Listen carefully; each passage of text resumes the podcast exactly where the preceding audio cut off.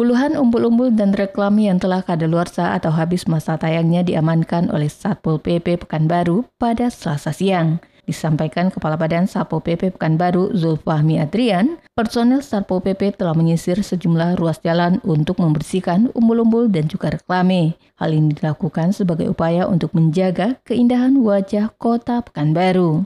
Ruas jalan yang disisir antara lain di Jalan Riau, Jalan Ahmad Yani, serta juga Jalan Durian.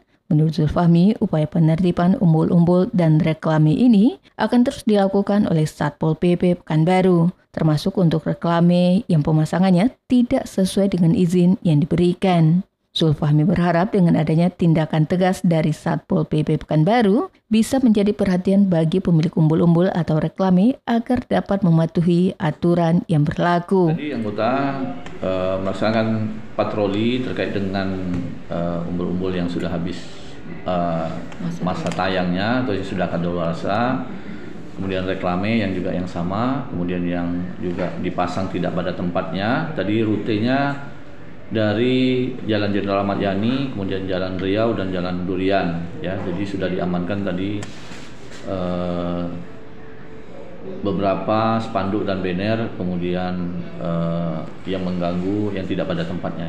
Dan sekitar puluhan tadi diamankan oleh anggota kita di lapangan. Tadi pelaksanaan kegiatan dari pagi tadi sampai dengan siang.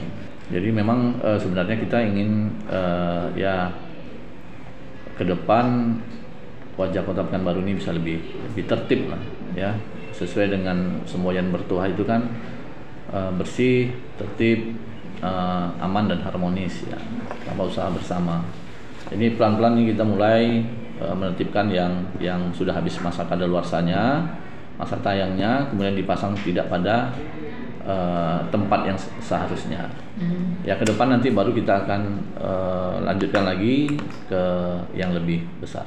Desi Suryani, Tim Liputan Barabas melaporkan.